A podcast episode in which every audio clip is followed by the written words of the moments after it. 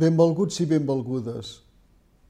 En el document Esperit cap on guies les nostres esglésies dels bisbes de Catalunya, que anem glossant durant aquestes setmanes, hi ha un moment en què hi trobem escrit. La fascinació per la tecnologia amb la competició home-màquina i l'explosió del món telemàtic amb motiu de la pandèmia produeixen canvis antropològics molt profuns que porten a plantejar la pregunta essencial que es fa al Salm 8. Què és l'home? Què és un mortal? És veritat. En aquest darrer any hem assistit a una explosió del món telemàtic.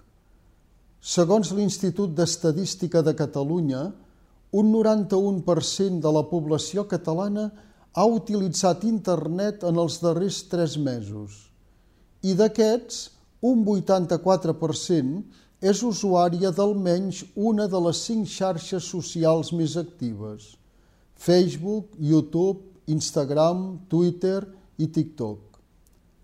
A més, durant la pandèmia s'ha incrementat en un 27% el consum de dades des de tot tipus de dispositius. Aquesta informació l'hem de combinar amb un índex força rellevant. Segons el baròmetre sobre la religiositat elaborat per la Generalitat de Catalunya, només un 12,2% de la població participa habitualment en celebracions religioses de qualsevol creença o confessió. Amb aquestes dades ens podem formular la pregunta on és la humanitat?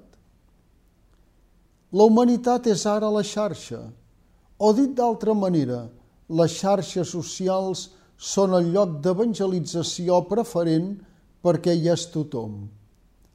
No podem plantejar-nos-ho com una opció. Ja no és possible. I hem de ser, perquè les xarxes són llocs d'evangelització i és necessari que el nostre testimoni hi sigui present. Vivim en un món que canvia i evoluciona constantment i aquesta evolució s'ha accelerat en poc més de 40 anys. No es pot esperar a veure cap on van les coses.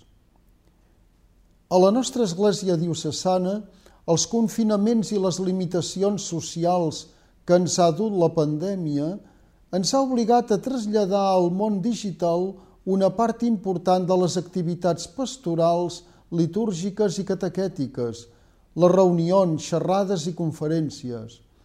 Però hem anat tan de pressa que no hem tingut temps d'analitzar-ho profundament.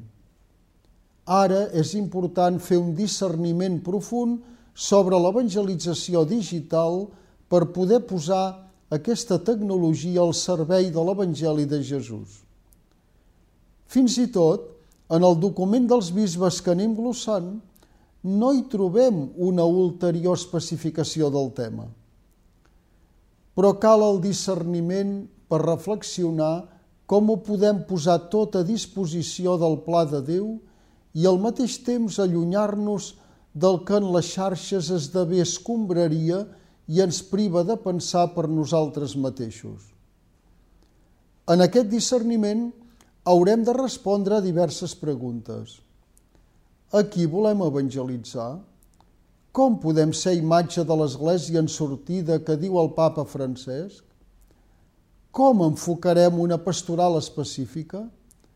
Com formarem i potenciarem les nostres capacitats tècniques, creatives i professionals per saber treballar amb les xarxes i en les xarxes?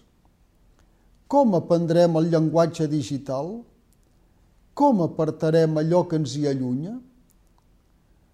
No sé si n'estem prou convençuts o prou preparats, però alguna cosa hem de fer per esdevenir missioners digitals i pensar en una pastoral digital.